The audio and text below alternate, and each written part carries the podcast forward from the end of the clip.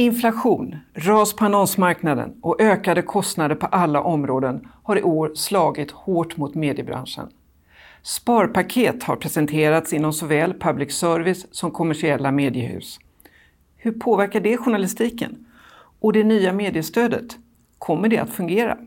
Det är några av de saker vi ska diskutera med utgångspunkt i Mediestudios årsbok 2023 och det är nionde året i rad vi med en årsbok granskar tillståndet för den svenska journalistiken. Ni i publiken är med oss digitalt och boken kan ni ladda ner kostnadsfritt på vår sajt mediestudio.se. Med oss i studion har ni Leo Valentin, journalist och ansvarig för Mediestudios databas över antalet redaktioner. Olle Lidbom, medieanalytiker och kommunikationschef Norstedts förlagsgrupp. Parisa Liljestrand, kulturminister. Hanna Stjärne, VD för Sveriges Television. Mikael Nestius, affärsområdeschef Bonnier News Local. Olle Zackrisson, chef för AI och nyhetsstrategi på Sveriges Radio. Jag heter Ulrika Bäckfries och är journalist och föreståndare för Institutet för mediestudier. Varmt välkomna! Jag börjar med att vända mig direkt till dig, Leo Valentin journalist och ansvarig för Mediestudios kartläggning av hur många lokalredaktioner det finns och framförallt var de finns och inte finns. Jag säger också välkommen till dig, Olle Lidbom, medieanalytiker, som ska ge ett ekonomiskt perspektiv på utvecklingen. Välkomna! Leo, berätta. Har det blivit fler eller färre lokalredaktioner? Ja, pratar vi om nettosiffran bara så är den ungefär samma som i fjol. Vi har ungefär 500 redaktioner med vår definition. Fördelade på drygt 200 kommuner. Eh, de representerar knappt 400 medier. Så har det sett ut ett par år nu. Jag ska säga två saker eh, innan jag svarar ordentligt på din fråga. Eh, när vi pratar om redaktioner här så kan det vara allt ifrån Dagens Nyheters Stockholmsredaktion till en liten enmanspublikation. Så. Eh, och det följer nästa sak som är viktig att ha med sig och det är att den här databasen mäter inte bevakning. Vi pratar inte om hur välbevakad en kommun är, utan om ifall det finns redaktionell närvaro där.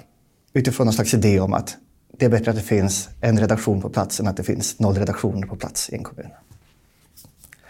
Med det sagt då, eh, så har eh, nettotalet redaktioner inte förändrats speciellt mycket sedan i fjol. Eh, det har varit några ganska lugna år. Eh, den här grafen eh, visar hur många nya redaktioner som har tillkommit och hur många som har försvunnit varje år. Då kan vi också se någonting annat och det är att eh, efter några väldigt dynamiska år i mitten på förra decenniet så har vi nu haft två, tre år där det inte har hänt speciellt mycket.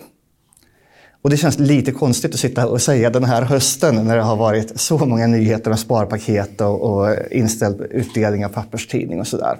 Men i vår databas så ser vi inte den här turbulensen än.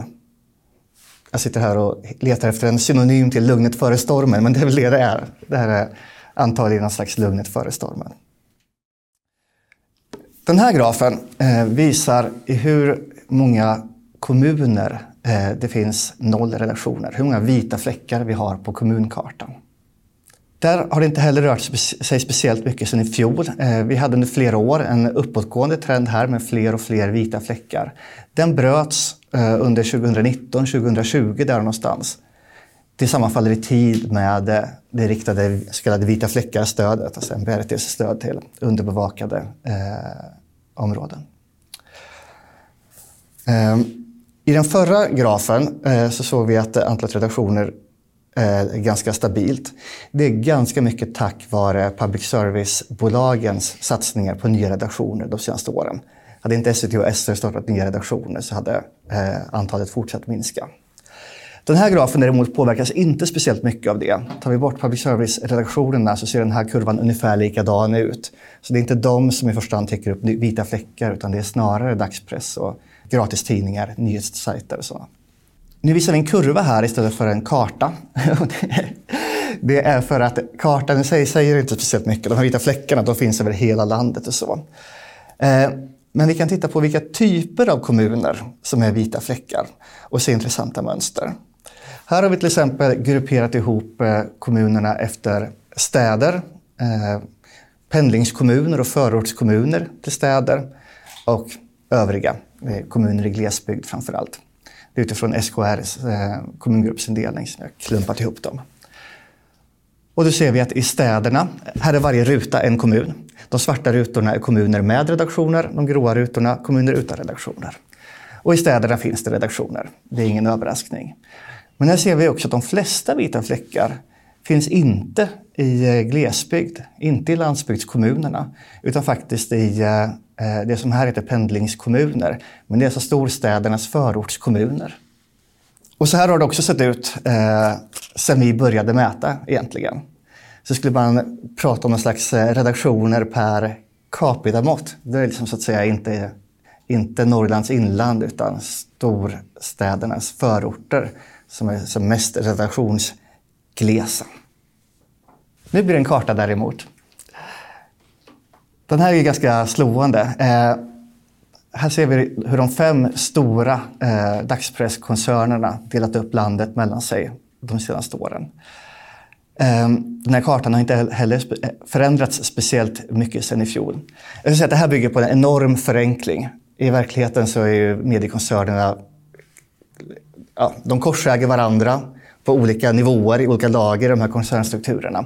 Men om vi som tillåter oss att koppla varje redaktion till en och bara en av fem eh, stora koncerner så ser kartan ut så här. Den stora förändringen här skedde för några år sedan med Bonnier News Locals, eh, alla uppköp. Eh, som lett till att två av tre redaktioner nästan idag ägs av någon av de här fem stora koncernerna. Backar vi till 2015 så var det en av tre Eh, i runda tal. Om vi då tittar på det som då var de fem stora koncernerna. Eh, som sagt, det har inte hänt speciellt mycket sedan i fjol här och jag tycker att det kan vara värt att påpeka det därför att man hade kunnat tänka sig att det finns en motrörelse. Det är många små eh, gratistidningsgrupper, små eh, grupper av nyhetssajter. Jag tänker på Made in Båstad, Silja News, den typen av, av mikrokoncerner som har expanderat de senaste åren, ibland med hjälp av vita fläckar-stöd. Man kan tänka sig att det var en, liksom en motkraft till den här koncernkoncentrationen. Men det, det, är åtminstone inte tillräckligt för att vrida den här klockan tillbaka.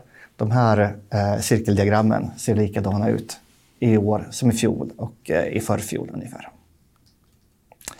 Jag ska säga också att eh, all den här datan och mycket mer går att titta på och ladda ner på mediestudier.se. Där finns också mejladresser om man hittar fel i databasen. Man får jättegärna höra av sig i sådana fall. Tack för det Leo och som sagt, gå gärna in på kommundatabasen på sajten mediestudio.se. Leo, vad tror du, blir det fortsatt, det här är ju alltid svårt, vad tror du? Kommer vi se en fortsatt stabilitet eller kommer det att svänga åt något håll nästa år? Ja, men det är väl bara att titta på branschpressrubrikerna nu för att ana att det kommer att vara ganska eh, turbulent nästa år, gissningsvis. Eh, vi får se hur djup lågkonjunkturen blir och hur hårt, hårt det slår, men, men det är klart att någonting, någonting kommer att hända. Där gör du en fin övergång till Olle Lidbom. Du har ju i många år studerat journalistikens finansiering. Vad tror du? Hur ser utvecklingen ut för antalet redaktioner nästa år? Ja, kanske inte kommer hända så mycket. Jag är nog kanske lite mer optimistisk eller försiktig än Leo här. Jag tror att det här nya mediestödet som som ju kommer börja delas ut under nästa år kommer säkert påverka hur mediekoncernerna tänker och bemannar sina redaktioner runt om i Sverige. Det är ju tanken att det ska finnas en, en stor och stark bevakning i, i, hela Sverige. Sen har vi ju dessutom två väldigt välfinansierade medieägare i Sverige i form av Schibsted och Bonnier. Eh, kanske rikare än någonsin. Så att det borgar också för att det kanske inte blir så där vansinnigt drastiskt. Samtidigt... Förlåt, jag får bara säga, det är viktigt att poängtera här att man blir duktig på det man mäter. Eh, och det vi mäter här, redaktionell närvaro, ligger väldigt nära det som har premierats med vita fläckar-stödet de senaste åren. Och därför kan man ju vänta sig också att den här kurvan som vi tittade på förut pikar runt 2019. Så att, jag tänker också att det beror väldigt mycket på exakt hur det här nya mediestödet kommer att implementeras, vad som kommer att hända i den här eh, kartläggningen. Det är ett oerhört viktigt påpekande. Eh, hur slimmade kan, alltså all, sparpaket innebär att man slimmar verksamheten. Och då är frågan, hur slimmade kan redaktionerna bli och samtidigt klara av att erbjuda relevant journalistik? Eh, ja, det går nog att slimma lite mer. Sen är det inte säkert att de här sparpaketen som har annonserats under hösten bara kommer drabba journalistiken eller journalisterna. Eh, vi har ju sett på flera håll att sparpaketen till exempel när det gäller Stampen ska framförallt beröra försäljningsavdelningen. Så det, det, kan du säkert eh, liksom slå på andra delar av mediekoncernen än bara journalistiken. Men eh, mediestödet ska ju premiera lokal journalistik så då får man väl gissa att det kommer bevaras. Sen så tror jag att det finns mycket konsolideringar kvar att göra inom till exempel sportbevakningen. Eh, det finns säkert redigeringsvinster att göra. Man har ju pratat om AI. Jag vet att UNT har sagt att de ska börja producera eget kulturmaterial. Eh, Bonnier försöker hitta eh, samordningsvinster inom koncernen för att kunna ersätta TT-material. Och det är väl en signal om att det går att göra mer eh, för att bli mer effektiv helt enkelt. Och vilken profil tror du journalisterna som får vara kvar på redaktionerna, vilken profil kommer de att ha? Ja, men temat för dagen är väl det lokala eh, och det som mediestödet eh, ska, ska lyfta fram. Så att vara en lokal journalist som kan publicera och producera väldigt mycket utan allt för mycket chefshjälp. Eh, det tror jag kommer vara framtidens journalist. Sen kan man ju tänka att den här allmän reporten med ett väldigt brett bevakningsområde kommer behöva vara väldigt produktiv eller väldigt vass. Eh, kanske en väldigt vass skribent. Men, eh, så det är väl egentligen den, eh, den här mellanmjölken som kommer ha det allra tuffast under nästa år om man är journalist. Tack för det, säger jag till er båda två, Leo Valentin och Olle Lidbom. Tack så mycket. Med mig nu har jag Parisa Liljestrand, kulturminister, Mikael Nestius, affärsområdeschef Bonnier News Local och Hanna Stjärne, VD för Sveriges Television. Varmt välkomna! Spontant, vad säger ni om det som ni just har hört? Nu börjar jag med kulturministern. Ja, men jag skulle säga att det är glädjande ändå att se att man ligger kvar på ungefär samma nivåer som, som tidigare år. Eh, och sen är det klart att med det sagt så finns det en enorm osäkerhet i branschen som jag har full förståelse för. Det är nog först det här året som vi också eh, verkligen kan börja se effekterna och konsekvenserna av den djupa ekonomiska både lågkonjunktur och den höga inflationen som vi har haft under väldigt lång tid i landet nu. Och det kommer ju man, man säkert kunna börja se nu här framöver också resultat av. Nej, men det är ju, att bilden ser ut så här är ju inget, det är ju vi väl medvetna om. Eh, sen är så här lite, sen kan man alltid diskutera, ska man mäta så att säga, det här närvaro i, i kommuner eller vore det istället mer intressant att faktiskt se hur mycket bevakas respektive kommun? Vi har ju en del diskussioner just när vi till exempel ska söka vita fläckar och där ska man ju då prioritera närvaro i kommunen och så vet vi att det är mycket enklare ifall vi faktiskt kan åka ut från befintlig redaktion och bevaka den kommunen som ligger nära så att ibland blir det liksom lite kontraproduktivt. Men sen är ju det är ganska intressant att ute i landet är det ganska bra bevakning, jag säga, precis som de här siffrorna visar. Medan tittar man på kranskommuner eller till och med bevakningen av Stockholms stad, om man nu får säga så som själv boende där, är ju ganska usel, eh, eller riktigt usel. Och pratar man om Stockholms kranskommuner så finns det ju ingen bevakning alls.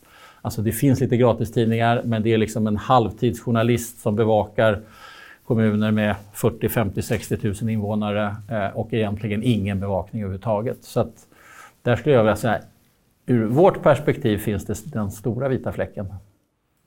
Hanna Stjärne? Men jag tror Alltså tittar man på det här överlag, bilden som presenterades, så visar ju den att, det, att medier i Sverige tar ett stort ansvar mm. för att försöka täcka olika typer av frågor, olika typer av områden i Sverige, trots att det är just en, en kärv ekonomisk tid. Eh, sen på SVT har ju vi öppnat nya redaktioner i en del av eh, kranskommunerna kring storstäderna. Eh, och vi får väldigt stor respons. Vi öppnade en redaktion eh, på Rosengård eh, i Malmö förra veckan.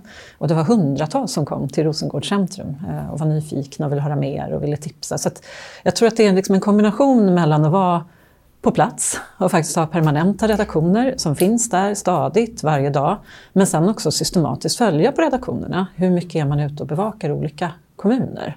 Och på SVT följer vi upp så att vi, vi har som mål att klara det också, att bevaka alla kommuner i Sverige eh, minst tre gånger varje år. Men där tänker jag, eh, det är fint och vackert att säga att man ska finnas på plats, man ska resa ut. Men nu får ni en mening var för att definiera vad är god lokaljournalistik? En journalistik som verkligen förstår, eh, granskar och bevakar de viktigaste frågorna för människorna som bor i det området. En mening, Mikael. Journalistik som engagerar invånarna. Lokal journalistik som, som bottnar i förståelse för platsen och för individerna som bor där och deras intressen. Och då, Hanna Stjärne, ska vi komma in på det som du redan har kommit in på. Och det är att SVT har de senaste åtta åren nästan fördubblat sina lokala redaktioner och finns idag på 50 platser. Varför vill ni vara ute i landet? Där finns ju redan lokaltidningar som bevakar. Jag tror att det här är en tid som behöver mer journalistik. Eh, att det här är en tid som behöver mycket journalistik och att det är en klar poäng Eh, att eh, journalistiken liksom ökar i landet. Eh, och vi, vi jobbar med det. Eh, tidningarna jobbar med det också väldigt aktivt trots att liksom ekonomin ser ut som den gör både för public service och för tidningsföretagen just nu. Men jag tror att det är en klar poäng att man faktiskt finns på många platser. Och att det är om man backar till 2015, då fanns SVT på 27 platser i Sverige och nu finns vi på 50. Och det gör en väldigt stor skillnad. Just den här förståelsen för vad är det egentligen som är en viktig fråga på ett ställe eh, och eh, förmågan att granska, ta större grepp. Eh, vi funderar mycket över regionerna. Hur bevakar vi egentligen regioner i Sverige? Där ligger ju mycket av frågorna som rör infrastruktur, kollektivtrafik, där ligger hela vården. Och det kan vi göra också med de här lokala redaktionerna. De kan gå samman och göra större granskningar till exempel.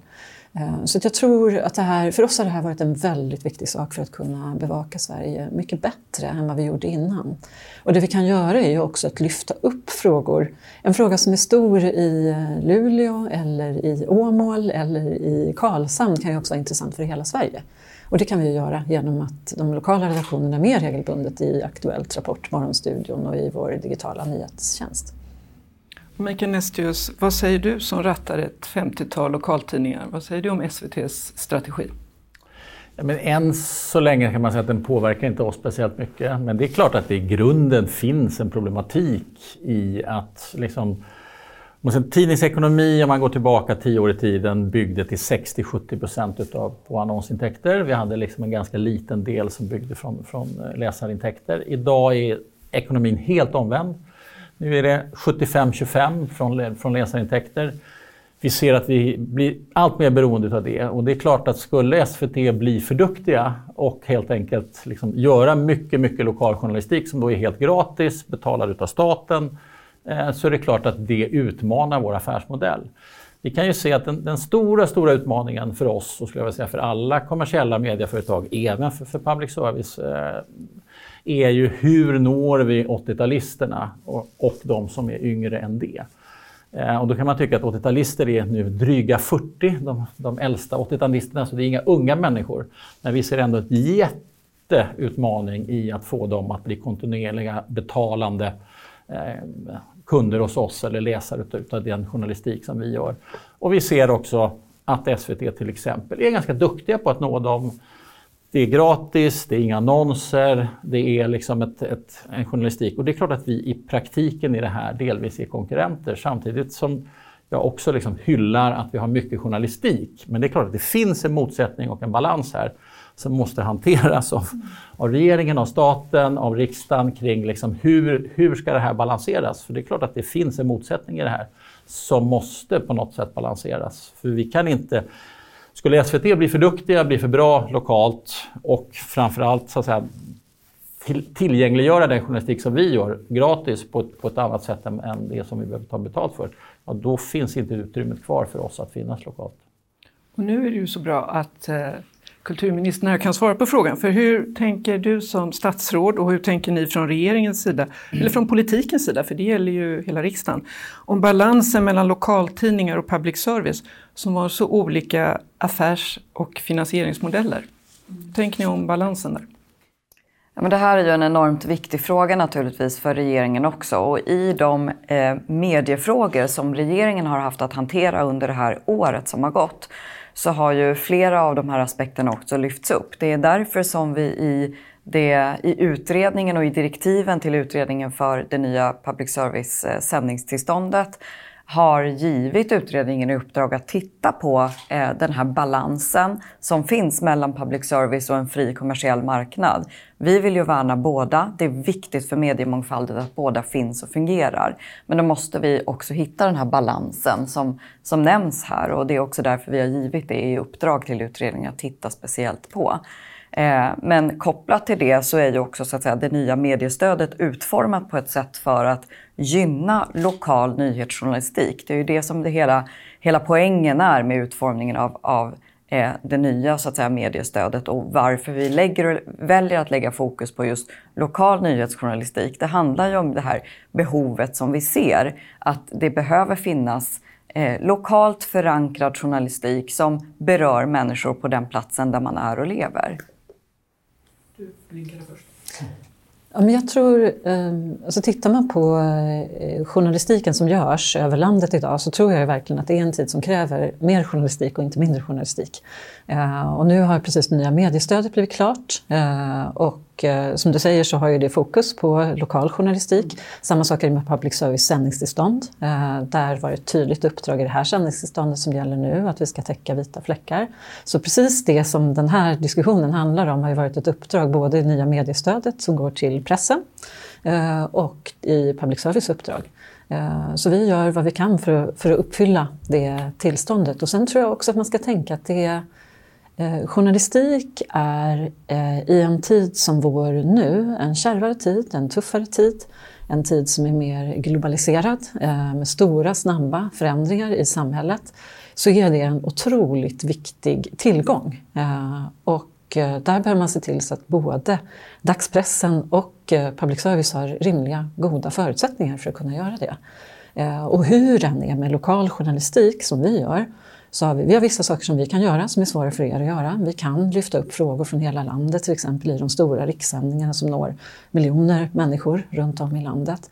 Eh, men det är klart att vi med två reportrar i Kalmar alltid kommer vara mycket, mycket mindre än Barometern. Och Barometern gör liksom ett otroligt viktigt jobb eh, vid sidan av våra lokala reportrar. Så goda villkor för båda, båda behövs i den här tiden. Mikael Nestus, du ser inte helt nöjd ut.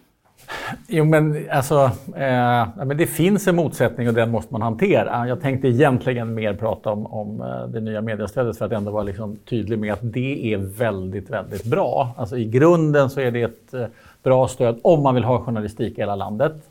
Det, är ju liksom, det ger faktiskt förutsättningar för det och det är också rätt balans i att ju mindre, ju mindre redaktion desto mer procentuellt stöd får man. Och, och hade det menar, vi har ju väntat på det här stödet. Hade det inte så att säga, legat i korten att det nog blir på det här sättet så hade vi ju stängt ett antal eh, redaktioner ute i landet. För de kommer inte bära sig ekonomiskt. Alltså små kommuner eh, ute i landet med ganska liten invånare, eller få invånare och dessutom negativ eh, liksom, utveckling av antalet invånare det kommer inte att funka. Men nu med de statliga stöden så kommer det fungera och det kommer liksom hjälpa oss att ha en, en bra lokal journalistik eh, där, är jag rätt övertygad om.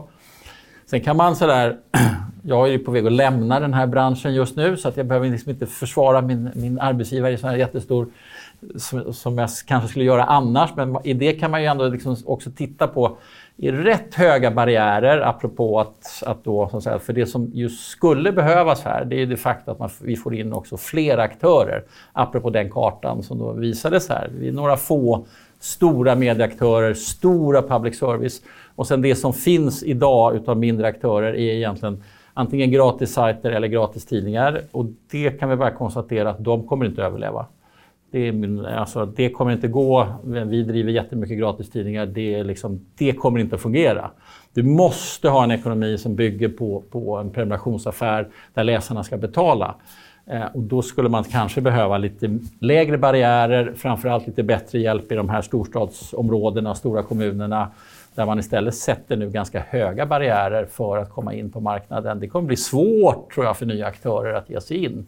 Och det tror jag att om man nu ska liksom politiskt titta på någonting som skulle gynna mediemångfalden så vore det att ändå kika på hur ska man få nya aktörer in på den här marknaden.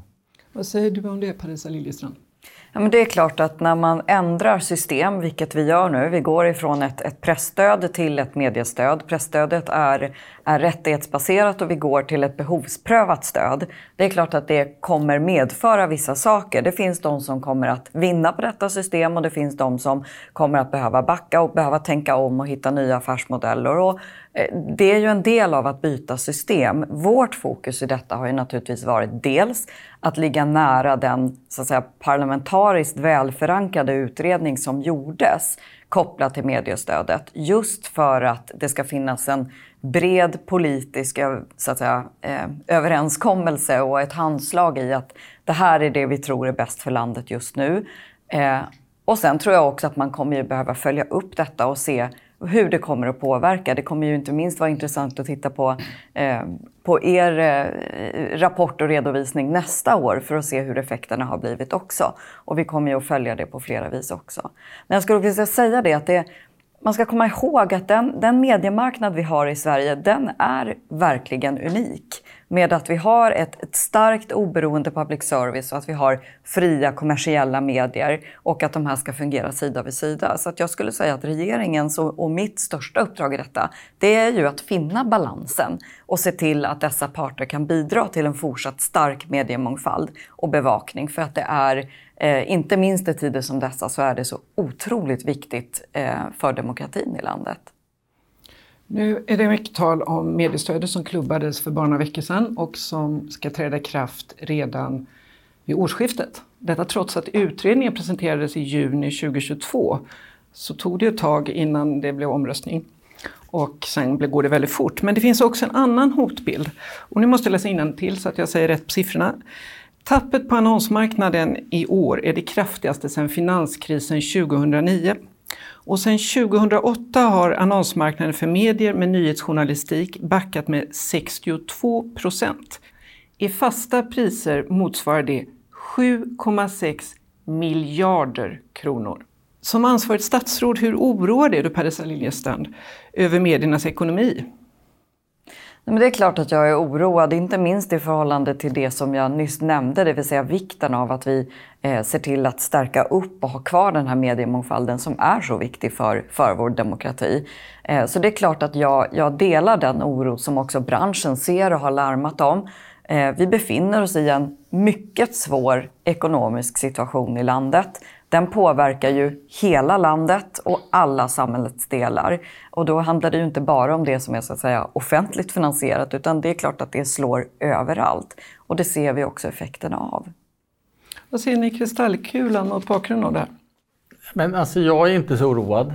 Eh, det kanske man ska vara, men det är jag inte. Jag tror att vi kommer i alla fall, liksom, Bonnierkoncernen eller Bonnier News kom, kommer liksom ta sig ut ur det här och de riktigt stora. Schibsted kommer också klara sig väl och NTM kommer nog stå ganska stadigt eh, när vi liksom är på väg ur den här konjunkturen. Det som ju är oroande är ju den att, att liksom, det är ju snarare precis det som jag var inne på tidigare. Hur ska vi nå de här unga, och med det så, de som inte är så riktigt unga? Än så länge så lever vi ganska gott på de som är födda på 70-talet eller som är äldre. Eh, och det är de som vi huvudsakligen egentligen eh, liksom tjänar våra pengar på. För att de är beredda att betala för journalistik på ett helt annat sätt än, än vad den yngre generationen är. Så vi har liksom fem, tio år på oss att ställa om. Eh, och det, det, är liksom, det är lång tid, men det är inte så att vi har hittat några bra nycklar ännu skulle jag säga. Vi, vi ser att de här unga är hos oss. De läser, de köper, men de hoppar av lika fort som de kom in. Eh, och de är inte riktigt beredda att betala de priser, apropå då, eh, liksom hur mycket journalistik ska vara gratis och, och vad ska man betala. De är inte beredda att betala så mycket som, som de äldre generationerna är beredda, för de har andra nyhetsflöden, de har andra sätt att få reda på vad som händer i världen än, än nyhetsmedier. De har många andra sätt, på gott och ont, eh, som, som, liksom, som förser dem med vad de egentligen ska se. Så det är väl min sådär stora oro över tid. Visst, det är en supertuff ekonomi. Inga medieföretag eh, i Sverige ska tjäna, tjäna speciellt mycket pengar förutom faktiskt Bonnier News. Eh, alla andra får, får liksom kämpa. Och varför tjänar vi pengar? Jo, för att vi har varit duktiga på att konsolidera marknaden. Vi har varit jätteduktiga på att slå ihop liksom mycket medier på en gång. Och i den här liksom, teknikberoende medievärlden så är storlek och konsolidering superviktigt att, vi just nu, att det går bra för oss just nu trots att det liksom är, är jättetuffa tider. Det beror bara på att vi har lyckats konsolidera marknaden. Alltså på att Bonnier News till exempel då köpte upp tre stycken stora, eh, eller två stora lokaltidningskoncerner och fick in det i, i helheten. Det är skälet till att vi klarar oss just nu ganska bra. Men det kommer inte hålla över tid om vi inte lyckas nå de här unga. Nej, men jag tror, precis som, som du är inne på, så tror jag liksom mediekonsumtionen förändras väldigt eh, dramatiskt. Eh, och mycket av eh, tiden läggs på andra typer av sociala medier av olika slag där man får en del av sin nyhetskonsumtion. De bolagen som driver dem är stora. De är, har budgetar som är hisnande om man jämför med vad vi har. Eh, och de tar en stor del av eh, reklamintäkterna. Det är ju själva grunden till att medieekonomin ser ut som den gör nu. Och det fortsätter ju vara ett stort problem och ett stort, en, liksom en stor utmaning och som nog kommer bli ännu större de kommande åren. Så hur man ska se på det och hur man ska se på de bolagen, det är också en del av en mediepolitik. Vad, hur ska man agera, hur ska man tänka? Eh, och att värna nationella, eh, nationellt baserade medier, för Sverige är inte så stort. Utan det behöver man göra på olika sätt. Och nu finns ett mediestöd, man behöver också se till så det blir bra villkor för public service framåt. Och det finns också en del saker nu, om man tänker i den här tiden vi lever i, där man ser att det finns å ena sidan ett stort nyhetsintresse. Man vill naturligtvis veta, man vill förstå vad det är som händer i världen, man vill förstå vad det är som, är, som har, varför saker har, händer och man vill förstå sammanhangen. Men det finns också ibland en, en känsla av att man inte riktigt orkar med hela nyhetsflödet. Ehm, det är väldigt tuffa tider. Det som kommer i nyhetsflödet är kärvt. Det är liksom, vi bevakar flera stora krig. Ehm, det är en allvarlig situation och det märks också. Och där kan man ju se, om man tittar på forskningen också, att eh, om man har eh, både privata medieföretag och public service som båda har goda villkor och är starka så stimulerar det ett nyhetsintresse i befolkningen. Eh, och den balansen mellan nationella medier och de globala bolagen som tar en så stor del av ekonomin, det är tror jag, den viktigaste balanspunkten. Men det som är spännande tycker jag när vi tittar på vår eh, journalistik och vad som fungerar är ju lite det som du är inne på Hanna. Alltså att det finns ett, man vill inte, speciellt den här unga generationen, vill inte så att säga, läsa så mycket om konflikten. Traditionell liksom, journalistik som handlar om att här tycker en person så, här tycker en annan person så, eller två organisationer och sen så liksom beskriver vi den här konflikten. Det är helt iskallt. Det finns ingen som är intresserad av det idag i den yngre generationen. Utan däremot positiva liksom, berättelser om människor som har lyckats, företagare, som liksom, uh, unga företagare som gör saker. Den typen utav, liksom, eller man så i våra lokala ställen. Vi har en serie som vi brukar kalla för hemvändare, alltså människor som har lämnat storstan för att flytta tillbaka till, till sin, sin födelsestad. Uh, den typen av liksom, historier får jättegenomslag. Eh, så, att den, det är liksom, så det visar också att det finns ju en journalistik som då... Det är inte bara så att man kan vända sig mot liksom de här stora globala jättemotsättningarna. Nej, det vill man inte kanske läsa så mycket om och det finns en undvikande av det. Men att läsa om liksom positiva lokala historier eh, som händer där, det finns ett ganska stort intresse för. Och de här behöver ju, det finns liksom ingen motsättning i det, men det är liksom spännande. Men det finns också forskning som visar att unga, och som är yngre än 80-talisterna, de som är mellan 25 och 30, de vill också ha samhällsjournalistik. Alltså vad beslutar kommunen? När ska skolan byggas? När ska förskolorna byggas? Och då är, nu när det är, jag vet inte hur många gånger det sagts, det är tuffa tider. Eh, Sveriges Television ska spara 400 miljoner. Bonnier News Local sparar, slår ihop och förändrar antalet utgivningsdagar. Vilk, alltså, det är ändå en anorektisk trend. Vilka ämnen kommer att hamna i medieskugga? Med besparingspaketen? Jag håller inte riktigt med om den bilden. Ja, vi gör förändringar som är väldigt, skulle jag säga, då, beroende av peka på Parisa som att hon är ansvarig för detta. Men det har ju med, med mediestödet och hur det ser ut att göra. Ja, vi gör förändringar kring så att, säga, att, att de gamla andra tidningarna som så att säga, hade ett väldigt stort stöd historiskt sett, de kan inte fungera som de har gjort.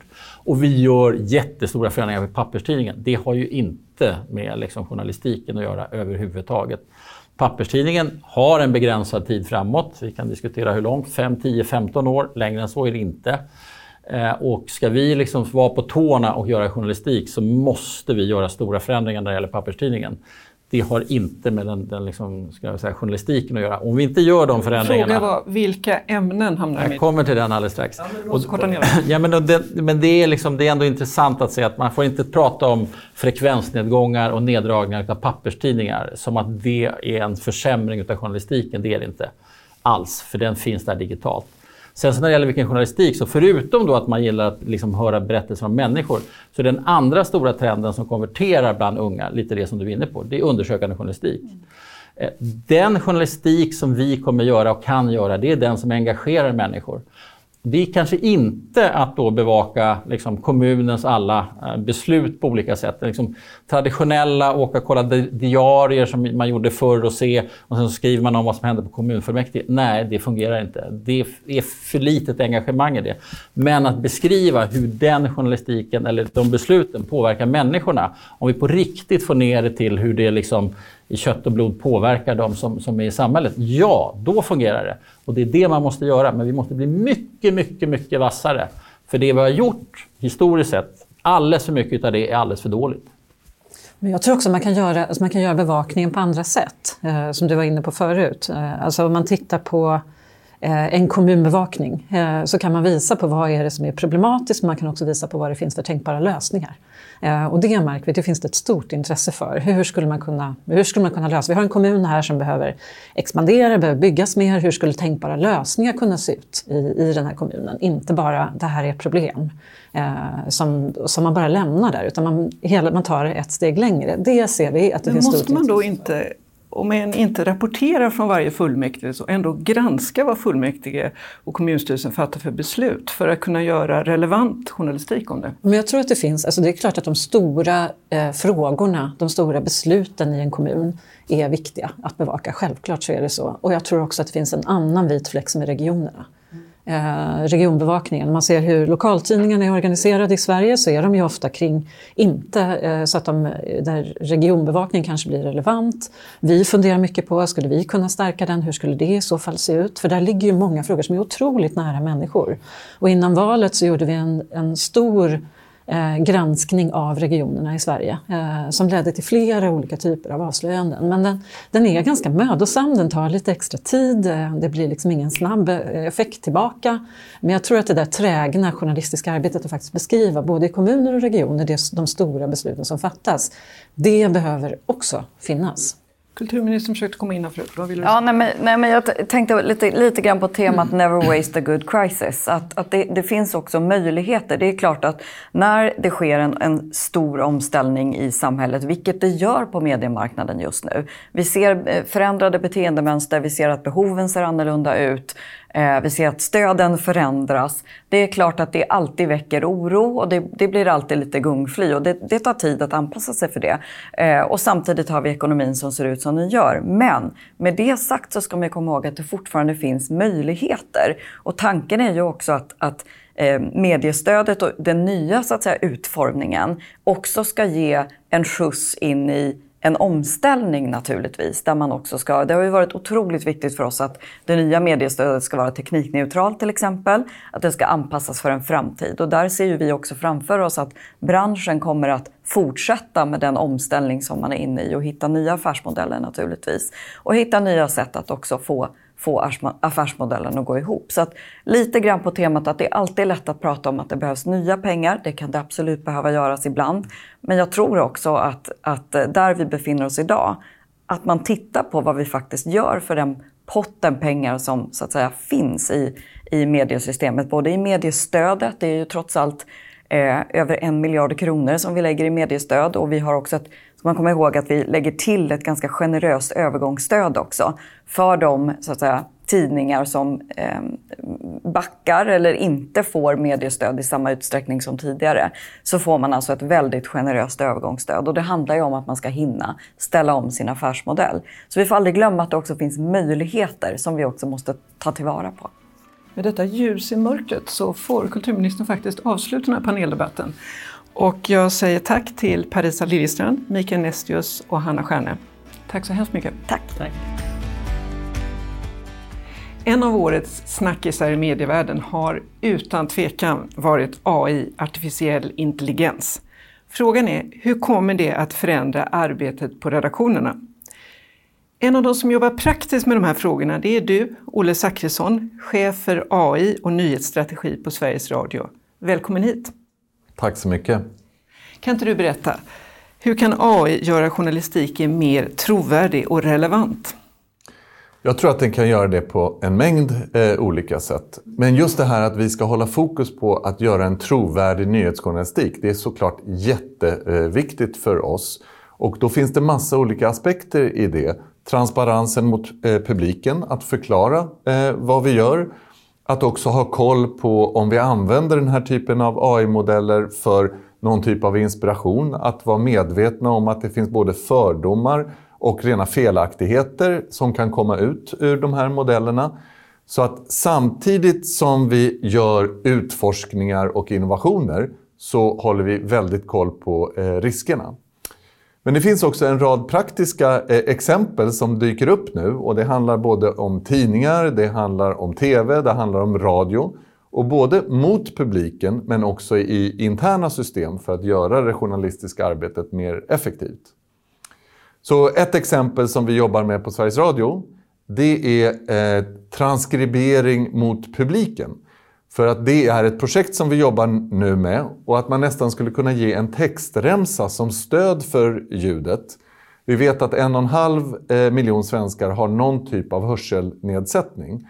Och i dialog med till exempel Hörselskadades riksförbund så vet vi att eh, många efterfrågar just att kunna få ett textstöd så att man eh, lättare ska kunna uppfatta vad som sägs eller överhuvudtaget ta del av det om man inte kan lyssna. Så vi kan titta på ett exempel här eh, där vi gör en prototyp. Det kanske inte kommer se ut exakt så här.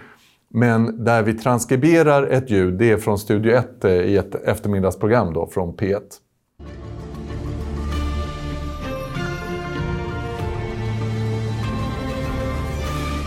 Han var släkt på långt håll med en gängmedlem. I natt sköts tvåbarnspappan till döds. Nu hotas uppenbarligen även de med mer avlägsna släktband till gängkriminella och Nationella säkerhetsrådets möte eh, med alla partiledare har nyss avslutats och pressträff ska börja alldeles strax.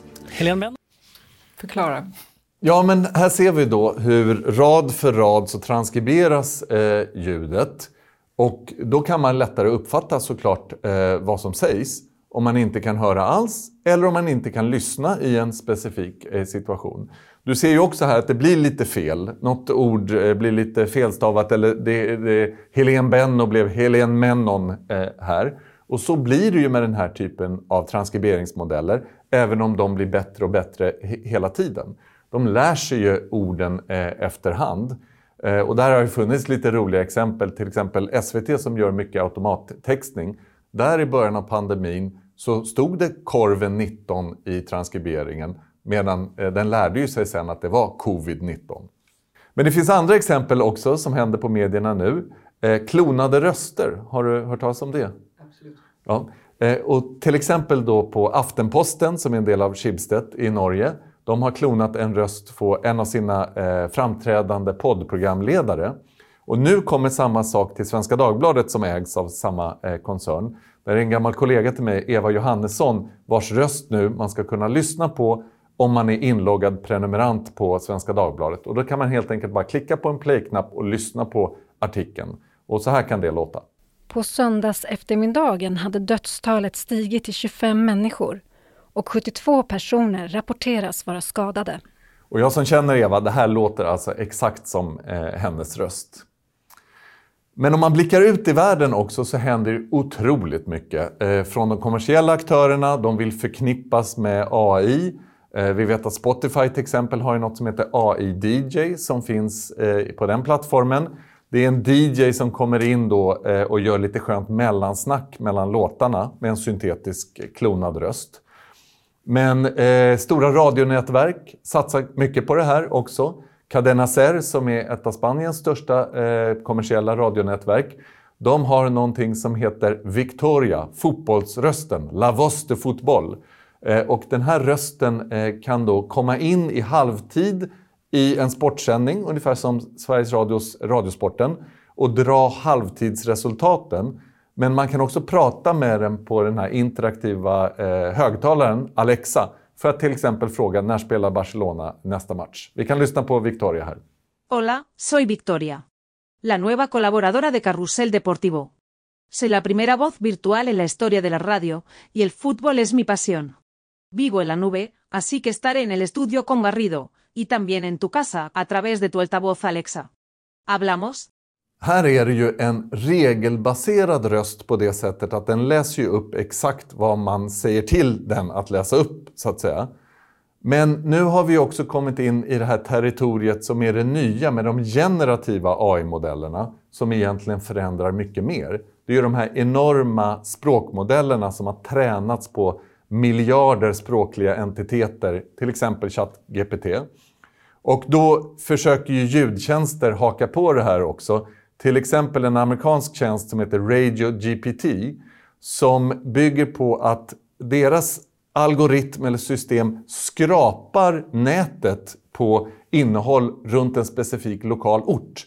Och sen så skapar man en helt automatiserad radiokanal där tre olika syntetiska programledare sitter och pratar med varandra mellan bra låtar då som spelas upp.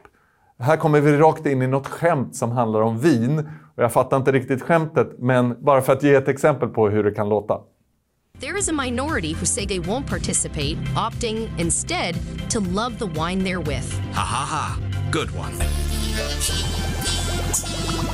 Live made locally in Springfield and 100% voiced and powered by AI. This is Radio GPT.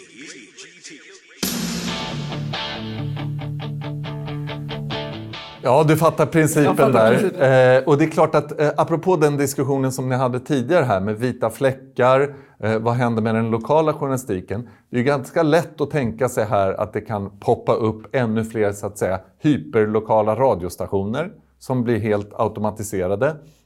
Just det här exemplet tycker jag som eh, publicist verkar ganska vårdslöst.